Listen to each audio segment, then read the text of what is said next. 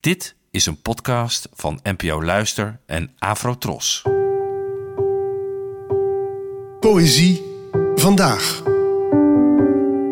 Met Ellen Dekwits.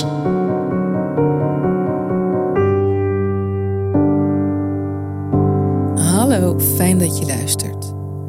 Het gedicht van vandaag heet Manieren om te leven deel 2 en werd geschreven door de dichteres Hong Yun-suk, geboren in het noorden van toen nog Korea in 1925 en overleden in Zuid-Korea in 2015.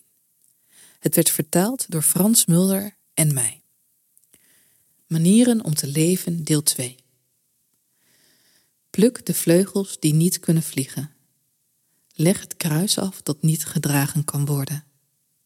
Leeg de zware kar, beladen met een geweten dat geen idee heeft van de eigen nietigheid, die overhelt bij elke bocht.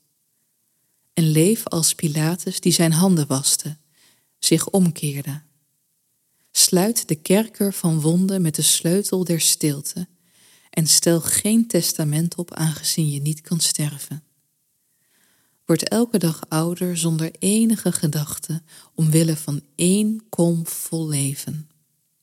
Broer, nu met verwonde voeten verbonden, tijdens deze wintermars over zeer dun ijs, maak jezelf zo klein als je kunt, haal amper adem, lig laag als het gras wanneer de winden woeden, met alleen je ziel die de wacht houdt, alleen je ziel houdt de wacht maak deze oversteek over de winterse rivier. Hong Jung-suk is geboren in 1925, toen Korea nog niet was onderverdeeld in Noord en Zuid. En na de Koreaanse oorlog, die eindigde in 1953, moest ze haar geliefde Noorden verlaten, omdat het voor haar als schrijver en kritische journalist veiliger was in het zuiden. En ze is tot haar dood blijven verlangen naar een hereniging van de Korea's. En in dit gedicht wordt er, in mijn lezing althans, voor gepleit om het leven niet zwaarder te maken dan het is. Het is alleen de vraag wat dat je kost. Maak jezelf gewoon klein. Zwijg over verwondingen. Denk niet te veel na. Probeer gewoon te overleven.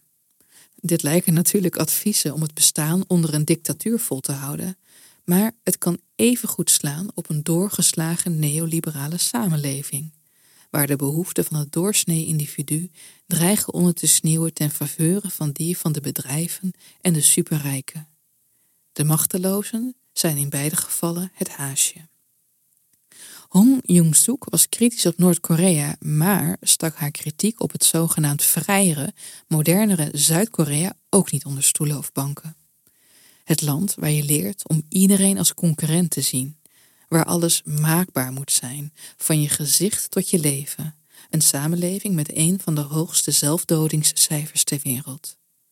En zo kan dit gedicht, Manieren om te leven deel 2, slaan op beide Korea's, die allebei geen paradijs zijn en allebei voor deze dichter geen thuis. Bedankt voor het luisteren en tot de volgende keer. Afro Tros, de omroep voor ons.